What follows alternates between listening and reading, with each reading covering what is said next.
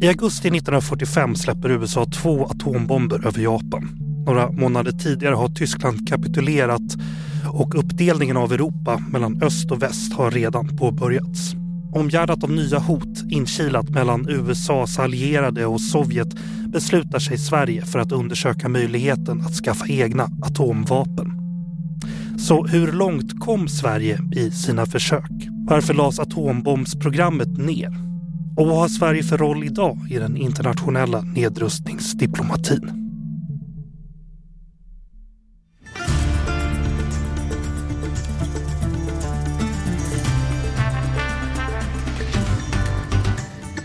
Du lyssnar på Utrikespolitiska institutets podd Utblick och jag heter Jonas Lövenberg.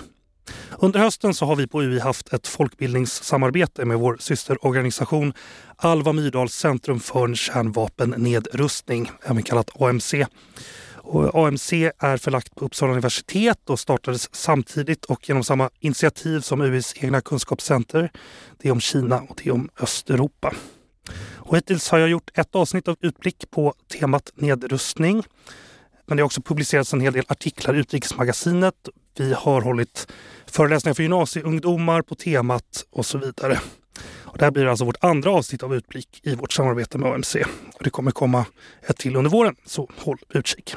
Och I det här avsnittet ska jag och ni få höra historien om det svenska kärnvapenprogrammet. Och de som ska berätta historien är Emma Rosengren, forskare vid Utrikespolitiska institutets program för global politik och säkerhet. Välkommen till Utblick, Emma.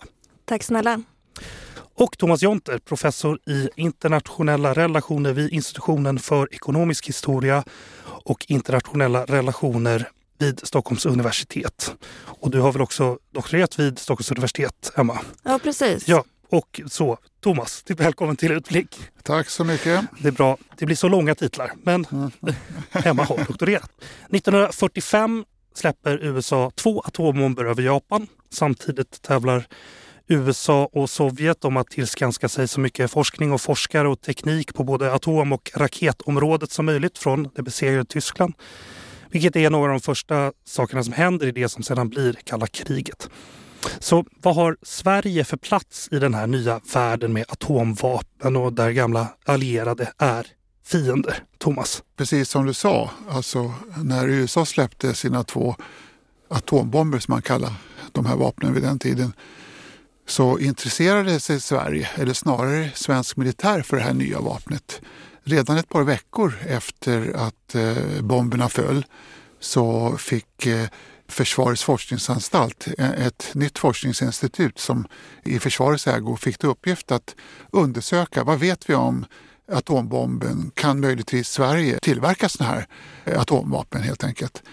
Och man kan säga så här att eh, regeringen hade ju redan bestämt sig för att eh, fortsätta sin alliansfrihet även om det kommer att uttryckas tydligare ett par år senare när kalla kriget blev ett faktum. För att 45 och i början av 46 så stod nog världen och vägde och det var inte alls eh, solklart att eh, det vi då kändes som kalla kriget och den här blockuppdelningen skulle komma, på, komma till stånd. Och det kom ju lite senare. Och det ledde ju i sin tur till att våra grannländer Norge och Danmark gick med i Nato.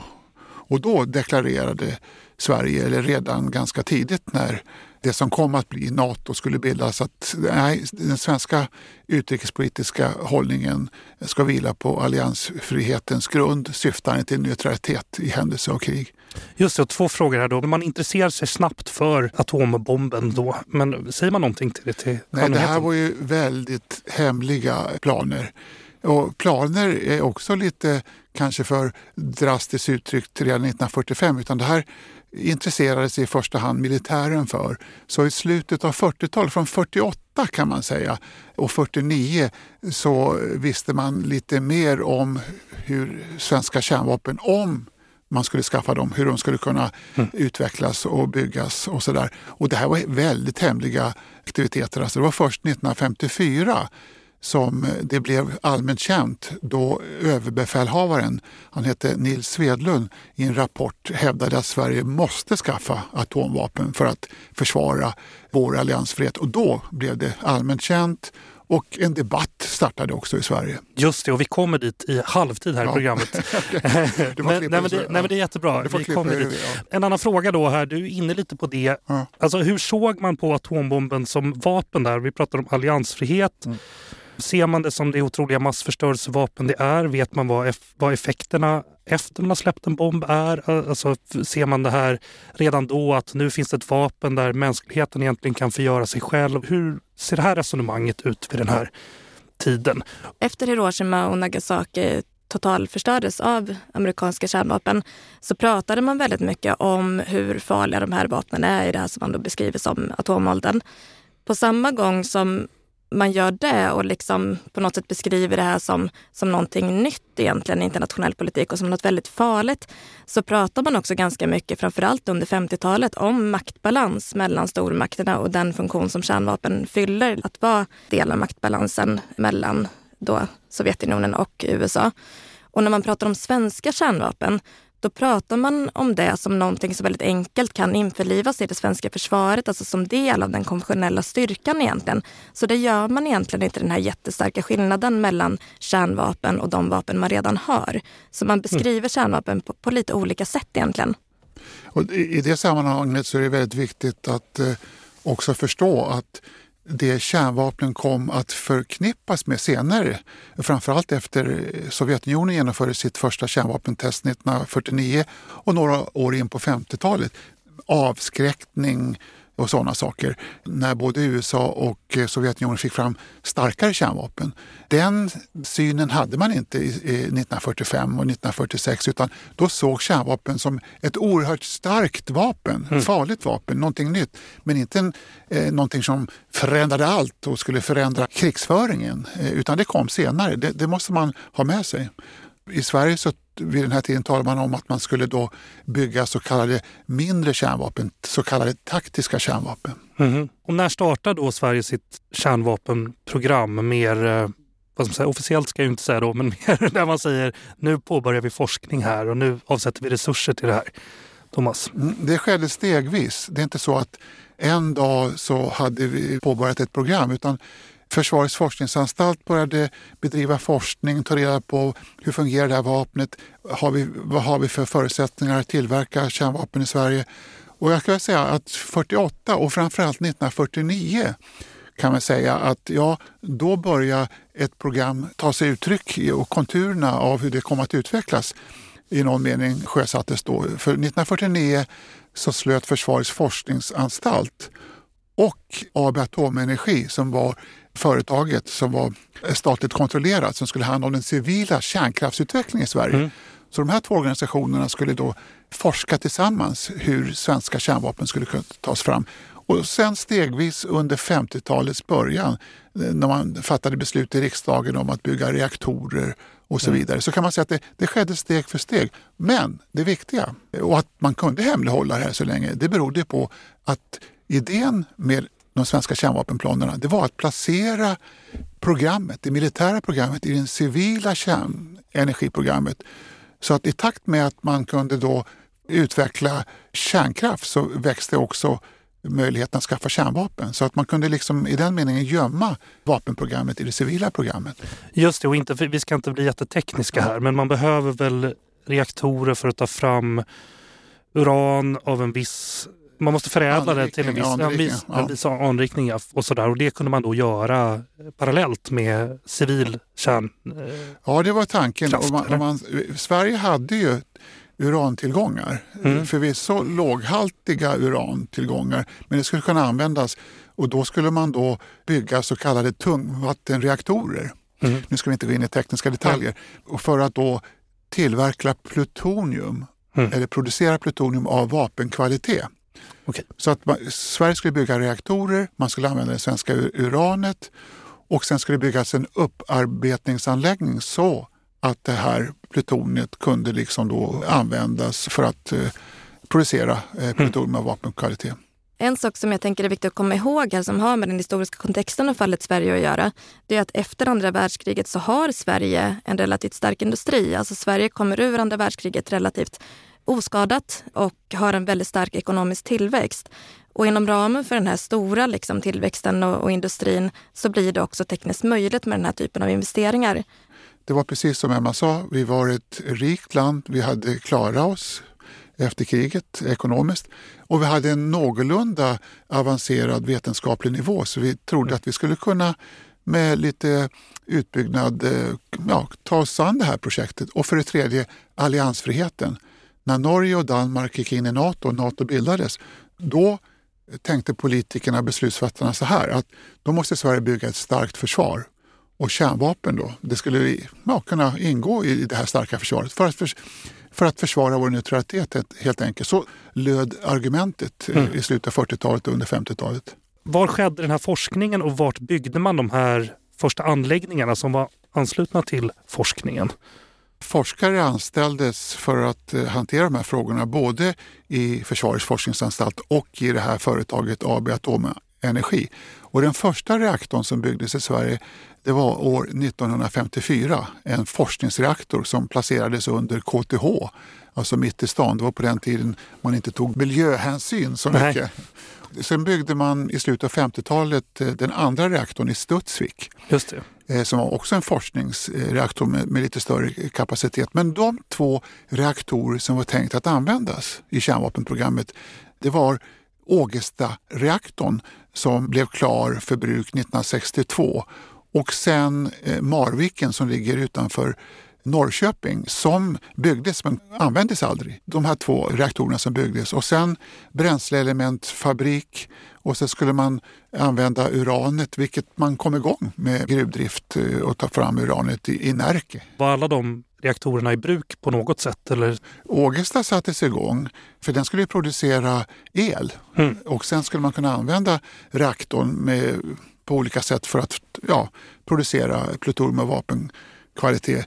Men det blev ett fiasko. Den här tungvattentekniken fungerade väldigt dåligt. Mm. Så att eh, den kom att läggas ner efter ett tag, Ågesta-reaktorn. Och Marviken togs aldrig i bruk för då så att säga bestämde sig statsmakten för att eh, avskaffa det här eh, tungvattenspåret och så slog man in på en lättvattenteknik. Då kunde man importera och köpa anrikat uran från mm. USA och andra länder och bygga helt andra reaktorer för kommersiellt bruk som blev den svenska kärnkraftsindustrin.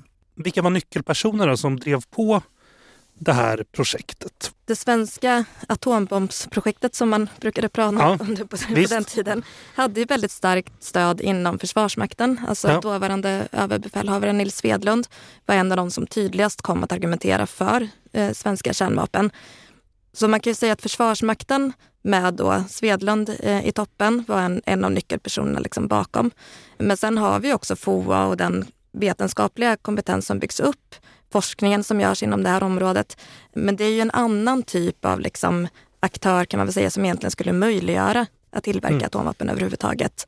Men om vi ser politiskt då? Det måste ju funnits toppskikt av politiker som kände till att det här pågick på något sätt. Politiskt blir ju det här liksom en brännhet fråga först på 50-talet. Mm. Eh, och den frågan splittrar ju regeringspartiet Socialdemokraterna. Det fanns stöd för kärnvapenprogrammet, till exempel Erlander var ju en av dem som, som ja. initialt ville att Sverige skulle skaffa kärnvapen.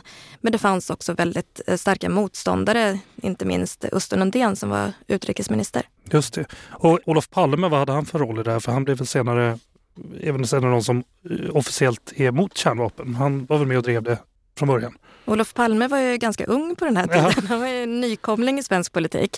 Och han fick väl framförallt en central roll i relation till kärnvapen runt 58 när han var med och tog fram en kompromiss mm. eh, inom socialdemokratin som kunde ena liksom, partiet kring att vänta på att fatta beslut. Han var en av de tänkare egentligen som arbetade fram den typen av lösning som möjliggjorde för Socialdemokraterna att stå eniga. Jag tror att i det här sammanhanget så kan vi inte tillräckligt nog understryka Tage Erlanders roll. Han redan i, i slutet av 40-talet var för kärnvapen och han var väldigt intresserad av den här nya atomenergin som den hette vid den här tiden. En, en gammal kompis till honom som var professor Torsten Gustafsson, Lunds universitet, utsåg han senare till sin personliga rådgivare när det gäller atomenergifrågor. Det här beskriver Tage Erlander i sina memoarer att han var länge för kärnvapen. Men sen ändrade han sig i slutet av 50-talet, men han mm. brottades i många år. Och han var en av de få i regeringen som förstod sig på det där. Han hade till och med studerat fysik och, mm. och läste böcker och pratade med nobelpristagare och både i Storbritannien och USA om möjligheterna, självklart, att eh, bygga kärnkraft men också om, om att uh, skaffa kärnvapen. En annan fråga här som ju påverkar hela, hela den svenska industrin ändå. Alltså, det var väl inte bara en bomb som behövde byggas, man behövde bygga något leveranssystem för bomben också, eller hur?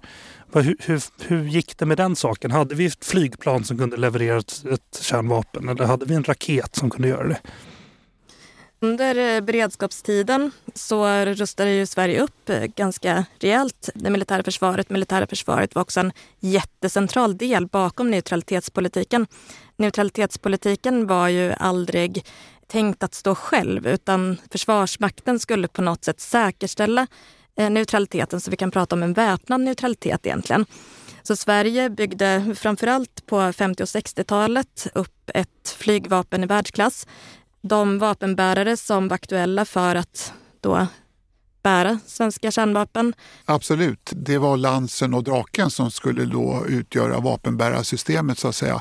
Och man skulle då ha missiler som skulle laddas med kärnvapen. Men det blev också ett problem för vapenbärarsystemet, det, den, den nöten knäckte man aldrig riktigt det har vi sett i olika eh, källmaterial att man tog kontakt med amerikanska forskare via diplomatiska kontakter mellan de två länderna om inte USA kunde hjälpa oss på traven eh, och helt enkelt. Och det här kom då att utnyttjas av USA, för det ska också sägas, och det kommer vi prata om lite längre fram, USA var hela tiden emot att Sverige skulle skaffa mm. kärnvapen. Men man sa inte det jättetydligt eh, rakt på sak till Sverige utan man, man körde liksom ett spel med svenskarna att man gjorde så att man försökte steg för steg avleda Sverige från kärnvapenspåret. Mm. Och vi återkommer till det, men spännande. Ja, ja.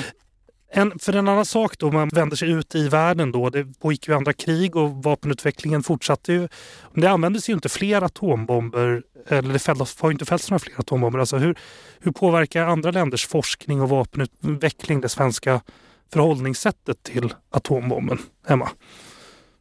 Under 50-talet, så det vet vi ju idag, så tog ju kärnvapenforskningen en enorm fart. Eh, man tog fram större, starkare vapen. Och i slutet av 50-talet så började man tala om interkontinental kapacitet. Mm. Man skulle kunna skicka då kärnvapenbestyckade missiler från USA till Sovjetunionen och vice versa. Och det här ledde till att man började omvärdera svenska kärnvapen i slutet av 50-talet. Och det är Elander också inne på att eh, den här utvecklingen gör att de här taktiska kärnvapnen, de här mindre eh, kärnvapen som vi skulle använda som ett sätt att avskräcka eh, Sovjetunionen eller om ett krig bryter ut så skulle vi till och med kunna använda dem mot Sovjetunionen. Det spelade, kom att spela ut sin roll mm. på grund av den tekniska utvecklingen helt enkelt. Och det gjorde ju det att även militären började tvivla på eh, idén med att skaffa kärnvapen. Just det, och rymdkapplöpningen är väl en del i det här? Att man visar, får raketteknik så man kan liksom ta sig runt jorden och såna här saker? Alltså Absolut, och, ja. och där, i den meningen skulle Sverige aldrig ha Nej. möjlighet att konkurrera på det sättet. Precis. En, en annan fråga kring det här. Hur kunde man komma vidare i forskningen om man inte gjorde några testsprängningar själva? Tittade man på andra länders resultat då? Eller hur, hur gick det, det till? Man satt och, och studerade eh, andra, andra staters kärnvapentester självklart. Man, det var ju... Var det spionage och grejer? Eller vad ja, det kan inte jag svara på. Det Nej. är ju hemligstämplat. Alltså. Ja. Det är spännande. Ja, säkert. Så, så hade man underrättelseverksamhet ja. i andra länder och sådär. Mm. Men det, det, det, vet vi så lite om. Okay. Mm. Åtminstone vet inte jag mycket om det. Men det är klart att man hade underlag och sen var det så att många gånger så var det ganska känt vad olika kärnvapentester vad det innebar faktamässigt, datamässigt som kunde användas eh, för vidare studier och utvärderingar i Sverige. Självklart. Och sen köpte, inköptes försvaret en, plats uppe i Norrland, Nausta, som skulle användas som en, ett område för att genomföra kärnvapentester om riksdagen skulle då säga mm. ja till kärnvapen. Men det kommer aldrig att användas. Man simulerade en kärnvapensprängning, använde konventionella sprängverkan och för mm. att mäta eh, tryckvågor och sådana saker. Men inte mer än så, för vi kommer ju Det blir inget till slut, Nej, det vet vi om. Det, vet vi. det finns ingen riktig cliffhanger. Men däremot när du säger spionera, men ja. andra stater spionerar på oss, det vet mm. vi ju. Vi vet ju exempelvis att Sovjetunionen visste mycket väl vad vi sysslade med i, i källaren så att mm. säga. Och det berodde på att eh, Stig Wennerström, flygöversten, mm. som eh, greps för spionage för Sovjetunionens räkning 1963. Han var också rådgivare åt Alva Myrdal och som var nedrustningsförhandlare och hade en stor insyn i de mm. svenska mm. kärnvapenplanerna. Så vi kan ta för givet att ryssarna kände till i princip det mesta av vad vi sysslade med kärnvapenmässigt i Sverige vid den här tiden. Amerikanerna då? De visste också naturligtvis. Och ja. Vi hade ett samarbete med USA. Även om de hade inte fullständig insyn så visste de mycket väl vad som hände. Det, det kan vi, jag har tittat i, i amerikanska arkiv och man, man följde det, de här svenska planerna eh, redan från slutet av 40-talet och var mm. väldigt initierad och, och, därför kunde man också på ett effektivt sätt eh, avleda Sverige från de här kärnvapenplanerna. Ska vi lägga till också att Wennerström mm. skrev ju också ett av de tidiga PM som handlade om nedrustning som vi, som vi hittar i arkiven. Så det är en intressant filur i de här frågorna. Men jag tänker också på den här frågan om mm. ja, men hur påverkade liksom det som hände i andra länder det som hände i Sverige? Alltså ett sätt som, som det var en stor påverkan, alltså blotta vetskapen om att andra länder hade de här vapnen var ju också ett av argumenten för att Sverige var tvunget att ha dem. Mm. Alltså även om de som var för svenska kärnvapen kanske inte trodde att Sverige skulle attackeras direkt utan snarare kanske bli indraget i ett, i ett krig mellan stormakterna som kunde komma att inkludera då kärnvapen. Det här gjorde det möjligt att, att argumentera att svensk kärnvapenanskaffning helt enkelt var nödvändig för att möta de här riskerna.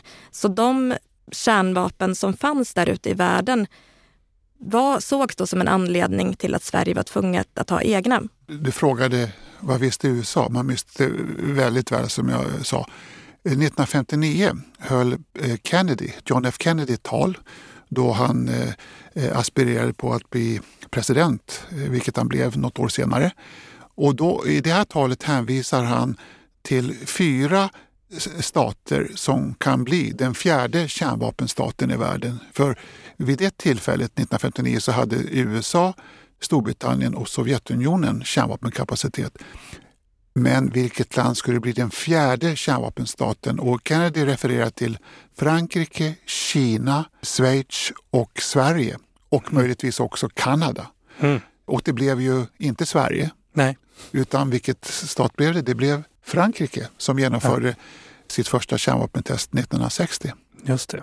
Då har vi etablerat här vad, man höll på med innan det blev offentligt. Och nu kommer vi till 1954, eller vi har ju pratat om några andra saker som hände. Vi hoppar lite. Men, i, eh, men i, i ordningen här i manus så som vi är då 1954 så hittills då har forskningen, den påbörjade forskningen hållits hemlig och de här planerna, eventuella planerna. Men 1954 så lyfter ÖB Nils Svedlund frågan vad är det som händer då, Emma? Hur framställs det här? När Nils Svedlund eh, offentligt argumenterade för att Sverige borde ha kärnvapen så drog en intensiv debatt igång i Sverige. Alltså det här har beskrivits som den mest intensiva säkerhetspolitiska debatten i Sverige under 1900-talet av historiker. Så det, som, det vi ser är liksom mängder med debattinlägg, jättemycket diskussioner i riksdagen, alltså ett brett eh, samlat engagemang kring de här frågorna om huruvida Sverige ska skaffa kärnvapen eller inte. Vad lyfter Svedlund för argument då? Alltså enligt Svedlund så var det just Sveriges geopolitiskt känsliga läge mittemellan öst och väst, att Sverige inte var med av någon militär allians, som gjorde det helt nödvändigt att ha ett så starkt försvar som möjligt. Och ett så starkt försvar som möjligt krävde enligt honom att Sverige hade kärnvapen. Vi ska lyssna på ett anförande som statsminister Tage Erlander höll i riksdagen på ämnet samma år. De moderna förstörelsemedlen har nu nått sådana proportioner att man börjat frukta att deras användande i en världsomspännande konflikt skulle medföra att befolkningen inom stora områden utplånades och att delar av jorden gjordes obeboeliga. Dessa vapens utveckling har uppfattats som ett hot mot själva grundvalarna för mänsklig tillvaro. Resultatet är en fruktan, osäkerhet och förvirring som jag tror råder bland alla folk i alla länder. Ty det är en fruktan som berör varje enskild människa i hennes vardagliga tillvaro. Världen har krympt samman. Det finns icke längre någonstans och inte för någon en fullkomlig säkerhet. Vårt land skulle illa förvalta sina långa fredstraditioner om vi icke vore beredda att aktivt medverka i försöken att åstadkomma en allmän nedrustning och en realistisk och effektiv kontroll av atomenergin. Men vi måste vara beredda att försvara vår självständighet. Om ett storkrig utbryter förefaller det sannolikt att atomvapen kommer att användas. Detta betyder att vi måste vara beredda att försvara oss i ett framtida krig även mot en fiende som mot oss använder atomvapen. Vi bör inte göra oss några illusioner om vad ett sådant försvar kan komma att innebära. Men jag är förvissad om att jag tolkar uppfattningen hos alla demokratiska medlemmar av denna riksdag och hos den alldeles övervägande delen av vårt folk om jag säger att icke ens hotet om ett atomkrig kan minska vår fasta beslutsamhet att till det yttersta försvara vår frihet och vårt oberoende mot varje angrepp. Ja, han säger ju flera saker här. Han säger ju att eh, det talas om nedrustning men också att man ska kunna försvara sig in i det yttersta. Det känns som att den här bilden ni redan har gett där finns med. Vad uppfattar ni det han säger här? Men vad Elander uttrycker här, det är ja. helt enkelt två linjer som ja. kom att prägla debatten fram till 1968 då riksdagen slutligen sa nej till kärnvapen. Nedrustning är viktigt, det ligger i den svenska utrikespolitiska traditionen att sträva efter nedrustning. Men vi måste också studera vad som händer i vår omvärld och eh, vara beredda på att det värsta kan hända. Och Det innebär att vi ska vara öppen för att om så behövs skaffa kärnvapen och vi måste göra det. Så att Elander uttryckte dilemmat som hans eget parti och riksdagen i stort, men framförallt hans eget parti stod inför. Det var en falang som var för kärnvapen och han tillhörde vid den här tiden den falangen. Men en falang som också var mot att skaffa kärnvapen där Östen Undén, utrikesministern, stod för eh, den inriktningen. Så att Elander kom att se sin roll att balansera mellan de här mm. två linjerna. Och han tog inte ställning själv i offentligheten om han var för eller mot kärnvapen. Det, det skedde långt senare. Hans argument det var att han måste hålla ihop partiet. Han var rädd att partiet skulle kunna leda till en, eh, till en splittring och han ville hålla ihop landet. Och i hans ögon, det bästa hade varit om hans eget parti hade tillsammans kommit överens om vad man stod i frågan och sen skulle man gå till den politiska oppositionen för att hitta någon sorts gemensam hållning för eller mot kärnvapen. Men eftersom nej-linjen inom hans eget parti redan började dra en lans mot kärnvapen så kände han sig tvungen att släppa debatten fri. Mm. Och det här ledde till vad man senare kom att kalla uppskovslinjen, att man skulle tillåta kärnvapenforskningen att fortsätta. Men samtidigt så skulle man sträva efter nedrustning och se vad eh, det spåret skulle leda helt enkelt. Det blev som en eh, uppskovslinje helt enkelt. Det blev hans sätt, Landers strategi att ta sig ur den här komplicerade frågan. Vad säger du Emma, hur såg debatten ut? Vi skulle vilja börja med att bara gå tillbaka till det här mm. Lander säger. Både då att Sverige behöver det här starka försvaret som möjligtvis då kan innehålla kärnvapen och att Sverige samtidigt vill verka för nedrustning. Alltså på 60-talet växer en stark nedrustningspolitik fram i Sverige.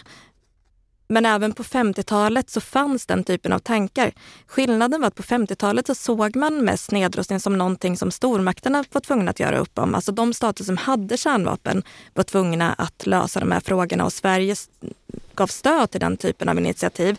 Men man såg Sveriges möjligheter att egentligen engagera sig och driva nedrustning som väldigt begränsade. Det här ändras när Sverige går med i 18 nationskonferensen som ja, förhandlar då nedrustning i Genève i början på 60-talet och Sverige får en mycket starkare mm. möjlighet att faktiskt vara med och påverka och här växer också då tilltron till den egna statens förmåga att egentligen lägga sig i den här typen av eh, politik sig allt starkare. Nu kan jag komma tillbaka till den frågan du ställde mm. om du berättar ja. vilken den var. Ja. ja, det var ju intressant. Det var, ju, det var kanske var ett svar på frågan, men det var hur såg debatten ut då? Ja, efter att Svedlund gick ut offentligt och argumenterade för att Sverige skulle skaffa kärnvapen så som jag sa tidigare så startade en väldigt intensiv debatt i mm. Sverige. I riksdagen så var det splittrat. Högerpartiet de var för att Sverige skulle skaffa kärnvapen. De backade upp överbefälhavaren, eh, överbefälhavarens argumentation. Folkpartiet och Bondeförbundet som bytte namn till Centerpartiet 1958, tror jag att det var.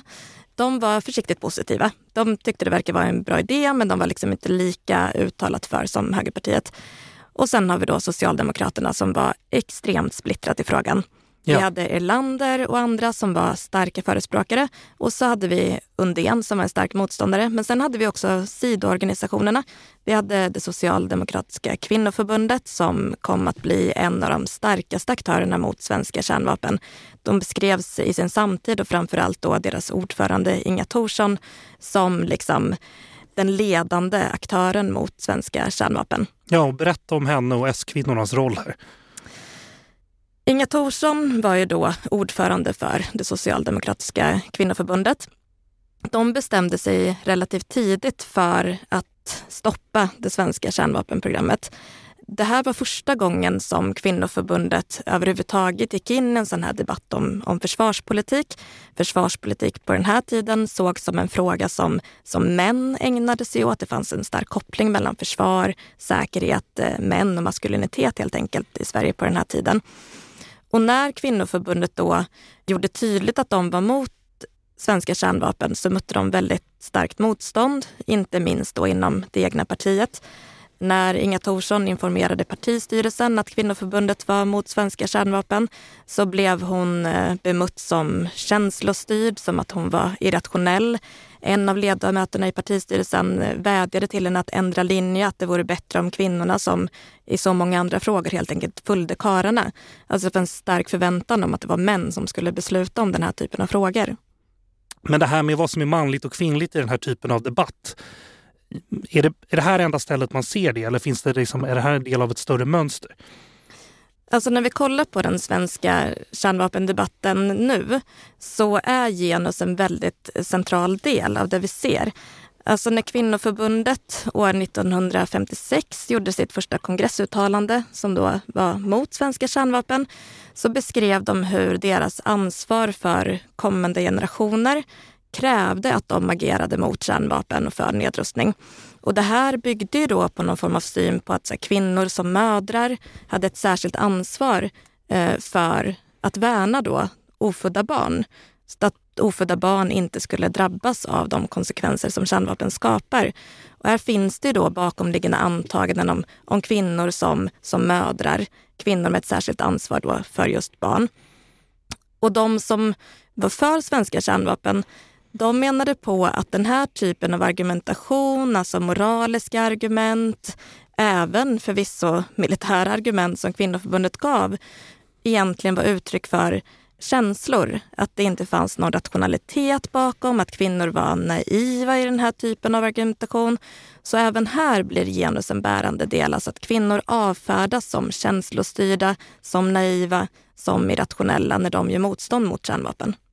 Okej, men jag måste också fråga då, det låter ju även som att kvinnorna i det här fallet då även själva levde upp till viss del till den här rollen om de argumenterade för, alltså de hade en tanke om ofödda barn, om de var mödrarna i samhället och sådär. Så även de spelade, spelade den här rollen till viss del då, eller? Absolut, genus var ju någonting som gjordes i båda sidornas argumentation. Samtidigt så var kanske inte minst Inga Thorsson ganska radikal i sitt tänkande på den här tiden. Medan militären och representanter för högerpartiet till exempel anklagade henne för att vara känslostyrd så sa hon ja, jag är känslostyrd när det gäller så här viktiga frågor som har med mänsklighetens överlevnad att göra. Så hur ska vi kunna prata utan att blanda in våra känslor? Känslor är också en central del bland de som förespråkar kärnvapen. De är rädda i en hotfull värld och de litar på militärt känslomässigt tänkande som handlar om att deras pojkar ska utrustas med de bästa vapnen i en farlig tid. Det är också uttryck för känslor. Så hon till viss del ja, men levde upp till stereotypa uppfattningar om kvinnor och fred samtidigt som hon utmanade gränserna för just vad män och kvinnor egentligen var och baserade sin argumentation på. Tillbaka till då, vad hade de här argumenten, Inga Thorsson, S-kvinnornas arbete, vad gav det för effekt? Det socialdemokratiska kvinnoförbundet var en av aktörerna mot svenska kärnvapen. Mm. Vi har också aktionsgruppen mot svenska atomvapen, AMSA, som bedrev stark kampanjverksamhet i Sverige. Det fanns en rad nykterhetsförbund, andra folkrörelser, fredsrörelserna som verkade mot svenska kärnvapen. Och tillsammans så deltog de i att vända opinionen. På 50-talet så var det jättestarkt stöd för kärnvapen i Sverige bland allmänheten och på 60-talet hade det vänt. Så det är klart att den här typen av kampanjarbete och opinionsarbete hade konsekvenser för vad människor tyckte runt om i Sverige. Emma, du berättar här att opinionen vänder sakta, liksom. men varför skaffade man inte kärnvapen då? Nej, men eh, som Emma säger så motståndet mot de här planerna växte mm. utanför riksdagen men också i riksdagen. Mm. Eh, så att eh, under 60-talet så ser vi att opinionen har fullständigt vänt bland den allmänna befolkningen men också bland ledande politiker. Man kan tala om att synen på kärnvapen kom att förändras radikalt. I mitten av 50-talet då såg man kärnvapen som någonting som Sverige måste ha. Det skulle göra Sverige säkrare i slutet av 60-talet och framförallt 1968 när riksdagen sade nej till kärnvapenplaner, då hade alla riksdagspartier svängt, även högerpartiet som då hade blivit Moderaterna.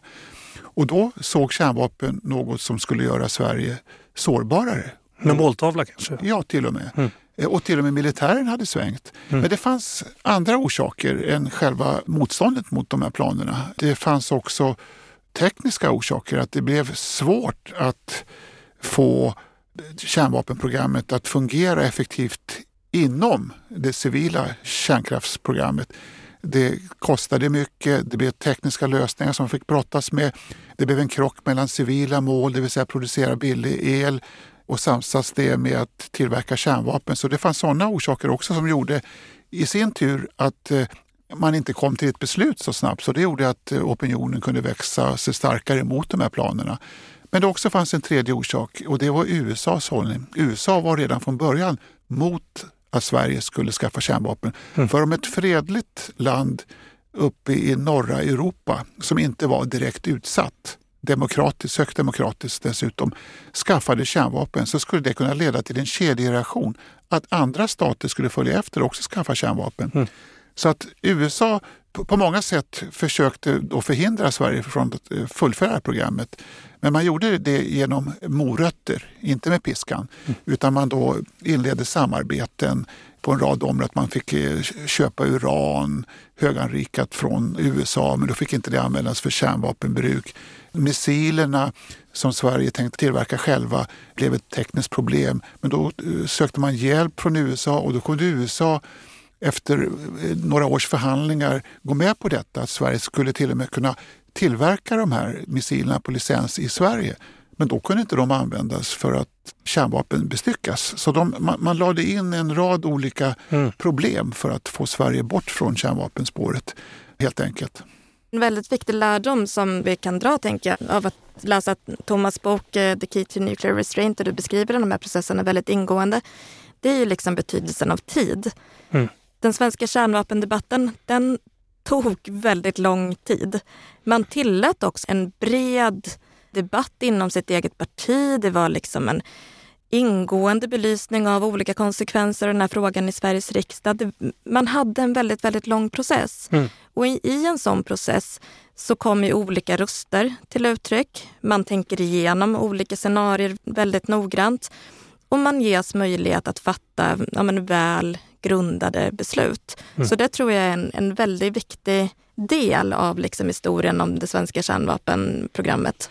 Ja, man kan jämföra med hur det gick till i Frankrike och Storbritannien. Där hade man ingen debatt. Man bestämde sig för att eh, starta kärnvapen inriktade 100 program så att säga. Va? Och en debatt kom aldrig igång och då kunde ingen kritik växa sig starkare och gå mot de här planerna som skedde i Sverige och i Schweiz. Schweiz hade också omfattande planer, inte lika ambitiösa som i Sverige.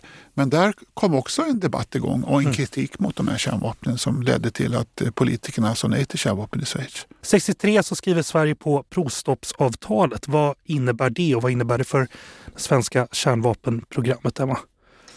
För att förstå hela den här frågan om provstoppsavtalet och ja. vad den betyder för Sverige så tänker jag att vi behöver backa bandet lite och gå tillbaka till slutet av 50-talet och den kompromiss som man lyckades skapa inom socialdemokratin men också med övriga partier i riksdagen som betydde att Sverige skulle vänta med att fatta beslut om att skaffa kärnvapen eller inte till någon gång senare på 60-talet. Och här var den internationella dimensionen av frågan väldigt central. Alltså man menade att ifall man kan uppnå någon typ av överenskommelser internationellt, alltså om man kan enas om nedrustning, så kommer det ha konsekvens för det svenska beslutet. Vi måste invakta och se vad som händer på den internationella arenan. Och 1961 så tillfrågar Östen Undén, en av de motståndarna då mot svenska kärnvapen inom socialdemokratin. Han frågar Alva Myrdal om hon kan tänka sig att börja arbeta med frågan kring internationell nedrustning. Hon hade precis kommit tillbaka från att vara ambassadör i Indien. Hon hade inte jobbat med den här typen av frågor innan. Jag har läst hennes eh, handlingar, hennes personarkiv väldigt, väldigt noga. Hon, hon funderade liksom, skulle hon som kvinna som inte hade någon militär träning överhuvudtaget kunna sätta sig in i de här frågorna. Hur snabbt skulle det gå? Och så där. Och så gjorde hon det. Hon ägnade stor möda åt att läsa in sig på nedrustningsfrågan och bestämde sig för att tacka ja. Och Sverige blev ungefär samma tid inbjuden att vara en av de neutrala staterna i 18-nationskonferensen som behandlar nedrustningspolitiken i Genève. Alva Myrdal blev då Sveriges representant där och nedrustningspolitiken kom att bli en av de centrala delarna i den svenska aktiva utrikespolitiken. Så nedrustningspolitiken som engagemang för Sveriges regering har redan börjat när mm. provstoppsavtalet blir till 1963. Sverige har drivit på frågor om just provstopp och använt den tekniska kompetens man har genom då det svenska kärnvapenprogrammet för att sätta press på stormakterna att enas om ett provstopp. Sverige ville ha ett fullständigt provstopp. Man var inte alls nöjd med att det var ett begränsat avtal som man kom fram till. Men man såg ändå det här som liksom ett första tecken på att det var möjligt att få stormakten att, att enas kring nedrustningspolitiska åtaganden genom det här avtalet och, och Sverige valde då att, att eh, skriva under. Just det, och Alva Myrdal också en av de drivande personerna som fick till hela avtalet också. Ska Absolut, Alva ja. Myrdal var en mycket skicklig diplomat som ja, representerade Sverige i de här förhandlingarna. Ja. Vill du säga något Thomas? Kanske i det sammanhanget så måste man också nämna vad vi kallar i Sverige Kubakrisen. Därför att 1962 när Kubakrisen var ett faktum då insåg både president Kennedy och eh, Khrushchev på den sovjetiska sidan att okej, okay, det här är farligare än vad vi trodde för något år sedan. För då trodde vi på avskräckningen, kärnvapen skulle avskräcka. Men man förstod både i USA och Sovjetunionen att det var ytterst nära ett kärnvapenkrig. Mm. Så då började både Sovjetunionen och USA bli öppna för att förhandla, att skapa internationella avtal, vilket man sa att man var intresserad av tidigare i slutet av 50-talet, men man menade inte allvar med det. Men nu öppnar man upp för det och det här ledde till en rad olika avtal under 1960-talet som i någon mening stabiliserade kärnvapenfrågan geopolitiskt. Kubakrisen är ju en sak. Fanns det några andra yttre faktorer som påverkade att man närmade sig stoppavtalet? Man smällde väl större och större bomber till ja, exempel? Det var, ju, det var ju de här eh, kärnvapentesterna mm. eh, som genomfördes eh, som väckte en stor internationell opinion och eh, utrikesminister Östen Undén från svensk horisont var väldigt kritisk till detta. Och det här blev därför i Sverige en viktig fråga att driva provstoppsfrågan. Det här 1963-avtalet som inte förbjöd alla typer av prov, provsprängningar ändå ansågs med Torsten Nilssons, utrikesministern ord, eh, den första grinden på vägen mot mer och mer begränsning och kanske att det kan leda till en total avskaffande av kärnvapen. Man kan väl också lägga till där att eh, den svenska delegationen, den svenska nedrustningspolitiken, eller vad man ska säga, inte nöjde sig med provstoppsavtalet som, som var begränsat från 1963, utan när man sen började förhandla fram det som kom att bli icke-spridningsavtalet om kärnvapen, som Sverige skrev under 1968 och därmed då deklarerade att man inte skulle skaffa kärnvapen. Den linje Sverige drev i de förhandlingarna var att man skulle förena det här icke-spridningsavtalet med ett fullständigt provstoppsavtal och ett så kallat FMCT, alltså ett förbud mot eh, fossilt material för vapenanvändning. Så den här frågan fortsatte ju att vara jättecentral i svensk nedrustningspolitik även efter det partiella provstoppsavtalet blev till. Just det, och så provstopp betyder att man inte testar. Icke-spridning betyder att tekniken eller förekomsten av kärnvapen inte sprider sig till andra stater, eller hur? Icke-spridningsavtalet som man förhandlade fram 1968, mm. eller som, som liksom ja. slutförhandlades 1968, består egentligen av tre olika delar. Initialt ville eh, Sovjetunionen och eh, USA att det här avtalet skulle reglera då spridningen av kärnvapen, alltså att fler stater inte skulle få skaffa några kärnvapen. Men sen inkluderade man också en del som handlade om rätten att använda kärnkraft för då civil energi, för fredlig användning. Och ett tredje ben som handlade om att de stater som hade kärnvapen skulle förhandla fram nedrustning, alltså nedrusta sina befintliga kärnvapen.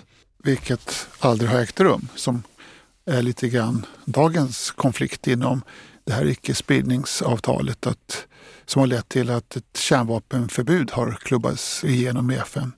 Helt enkelt, man måste också förstå att det var inte kärnvapenstaterna, alltså först och främst USA och Sovjetunionen som gick i, i täten för att man skulle förhandla fram olika avtal. De var ointresserade av det här. Det var små stater som Sverige och Mexiko, Irland som pressade på. Men när Kuba Kubakrisen blev ett faktum och man mm. förstod att det var nära kärnvapenkrig, då först blev USA och Sovjetunionen intresserade av att börja förhandla. Mm. Så det är väldigt viktigt att även små stater kan under vissa omständigheter vara pådrivande och det är Sverige ett väldigt gott exempel på.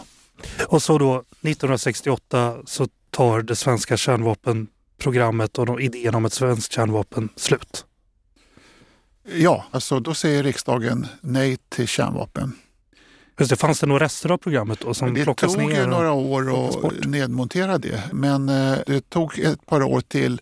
Allting avskaffas inte, för att det var inte så att all kärnvapenforskning försvann, utan Nej.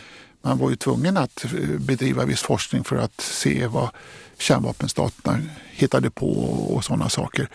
Men den utrustning som man använde inom ramen för kärnvapenprogrammet steg för steg avvecklades, men det tog ett par år. Men sen så fanns det plutonium kvar eh, lång tid. Det var först när Carl Bildt var utrikesminister som det också överlämnades till IAEA slutgiltigt, alltså av mm. vapenkvalitet som hade använts i den här forskningen. Så det var ju stegvis. Men det tog några år och liksom folk slutade arbeta på FOA och, och bedriva kärnvapenforskning och så vidare. Och så vidare. Thomas, du har sagt det vid flera tillfällen att amerikanerna höll ögonen på vårt kärnvapenprogram och att de inte var så intresserade av att vi skulle skaffa kärnvapen. Men ingår vi i deras kärnvapenparaply då eller finns det något avtal? Går det att säga något om det här? Ja, alltså, det där är en omdebatterad fråga. Mm. Det finns olika tolkningar av vad som egentligen USA har gjort och lovat och vad Sverige gått med på. Och då ska jag säga så här, det finns inget formellt avtal att om Sverige avstår från kärnvapen så ingår Sverige någon sorts, under något amerikanskt kärnvapenparaply. Det finns inte. Det, det skulle vara en, omöjligt att göra så. Sverige var ju alliansfritt mm. och inte med Nato. Det har talats om en sorts informellt eh, avtal, någon sorts gentlemen's agreement. Och jag har letat i olika arkiv men har inte hittat någon som talar för eh, den tolkningen. Men man kan säga så här att ett samarbete med USA kom igång redan under 50-talet på den militära sidan där vi i Sverige eh, så att säga började säkerhetspolitiskt samarbeta. Vi köpte utrustning, militär teknologi från USA och ingick i någon sorts bred, stor planering mm. tillsammans med Nato, framförallt USA. Och det här fick åtminstone militären, den svenska militären, att bli mindre intresserad av kärnvapen. Så i början av 60-talet så såg man ut i militära kretsar på högre nivå att eh, vi har ett samarbete, vi kanske inte behöver kärnvapen. Det finns ju på västsidan. I händelse av krig så om vi hamnar i ett krig med Sovjetunionen som i, i den meningen måste vara en del av ett större krig så mm. kommer västmakterna till undsättning. Så då behöver vi inte ha kärnvapen. Och så finns det då i amerikanska arkiv, National Security Council, alltså nationella säkerhetsrådet, några dokument som säger att, att ja, för det första att USA var mot kärn, svenska kärnvapen men att man skulle bistå Sverige med konventionell militär hjälp i händelse av krig. Mm. Eh, och att om en händelse, en krigssituation uppstår så skulle man på ett eller annat sätt komma till undsättning. Men vad det avtalet skulle betyda i realiteten, det, det, det vet vi ju inte. Utan Nej. det här var ju nationella säkerhetsrådet som hade så att säga diskuterat det och kommit fram till det. Men på svensk sida har många menat att det här var då en säkerhetsgaranti. Och i, I väldigt bred mening så kan man argumentera för det, men det var ju inte ett formellt avtal på det sättet. Men den viktiga frågan är ju, var det det här som fick Sverige att avstå från kärnvapen? Och då är mitt svar kristallklart nej.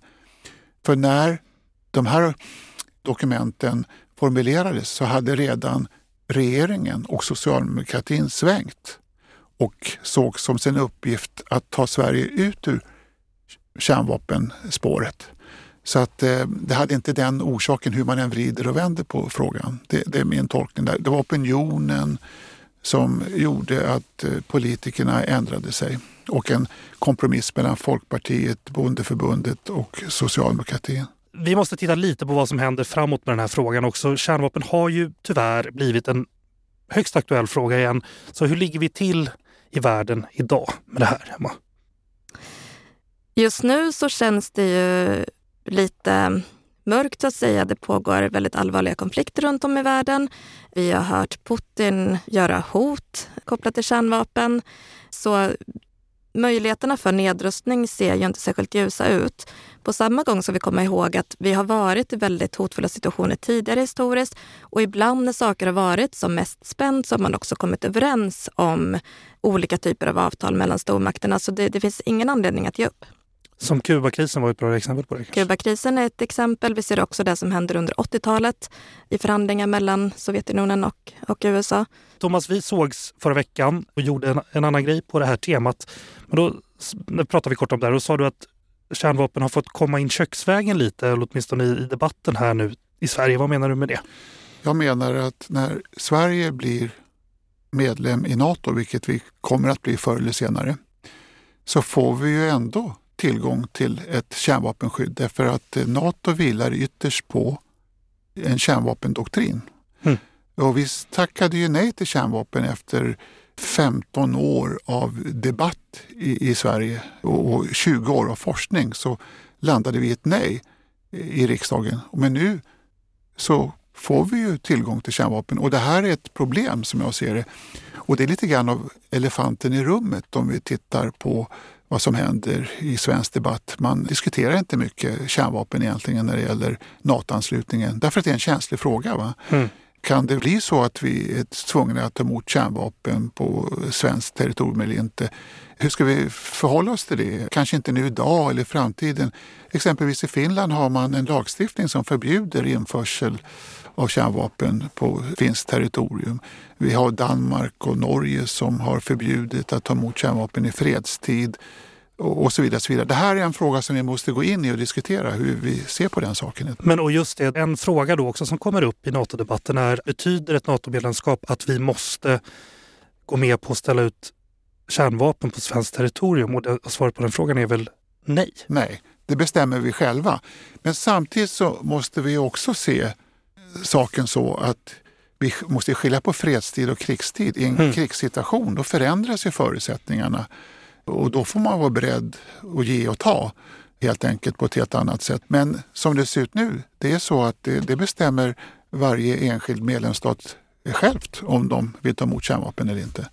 Sverige och det finns inga sådana planer tror jag idag att Nej. utplacera kärnvapen i Sverige. Men saker och ting kan hända. Ryssland hotar, precis som Emma sa, mer och mer med kärnvapen och förmodligen så kommer man fokusera mer på kärnvapen i Östersjöområdet. Man har placerat ut kärnvapen i, Belarus exempelvis. Mm. Och det här kan leda till att idéer om att man ska öka avskräckningen och placera ut kärnvapen på lite fler ställen. Men återigen, självklart bestämmer Sverige självt om man vill ta emot kärnvapen eller inte. Jag tänker också att här, i, i och med att Sverige bestämmer själva hur man vill göra i de här frågorna så, så tänker jag att det också är viktigt att prata om men vad kan man göra då om man inte vill att kärnvapen ska liksom bli placerade i Sverige eller, eller vara liksom en del av, av den svenska säkerhetspolitiken egentligen.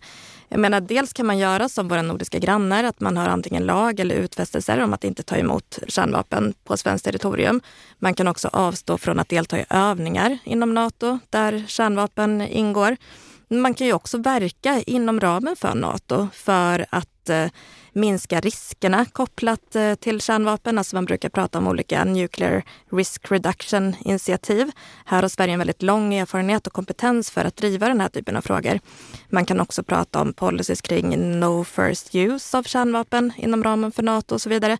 Så det finns väldigt många olika möjligheter och med ett starkare samarbete mellan de nordiska länderna så kan man också gå ihop som nordiska länder och driva den här typen av frågor. Det ska också sägas att eh, exempelvis Norge har varit väldigt eh, inriktat på nedrustning som NATO-medlem. Så att ett NATO-medlemskap innebär inte att man inte får så att säga satsa på nedrustning. Eh, I den nuvarande strategin så talar också NATO om att kärnvapen ska på sikt avskaffas. Det får vi inte glömma bort i sammanhanget. Och här har ju Sverige också en, en ganska unik liksom, historisk erfarenhet av att driva de här frågorna från Alva Myrdals tid och till idag i varierande grad. Så den typen av kompetens som finns inom Sverige är väldigt väl lämpad för att faktiskt agera som röst för nedrustning inom Nato. Emma Rosengren, forskare vid Utrikespolitiska institutets program för global politik och säkerhet. Thomas Jonter, professor i internationella relationer vid institutionen för ekonomisk historia och internationella relationer vid Stockholms universitet. Tack för att ni kom båda två.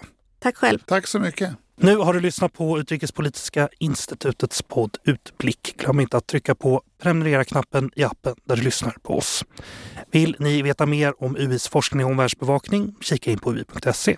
Om ni vill veta mer om AMCs arbete? Knappa in uu.se Alva Myrdal Center Alva Myrdal i ett ord och med engelsk stavning på center, alltså med e på slutet. Ni också, mina gäster här, ni, ni båda har ju skrivit böcker om det här. Vad, vad heter era böcker, Emma? Vad heter din bok? Eh, jag har skrivit en bok eh, på svenska som heter Förnuft, känsla och kärnvapen. Svensk nedrustningspolitik ur ett feministiskt perspektiv. Spännande. Thomas, vad heter din bok?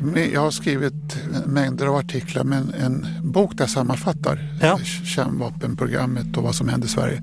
The Key to Nuclear Restraint heter den boken. Och den är på engelska låter det som. Ja, mycket på engelska. Mycket på engelska. Ja. Okej, vad bra.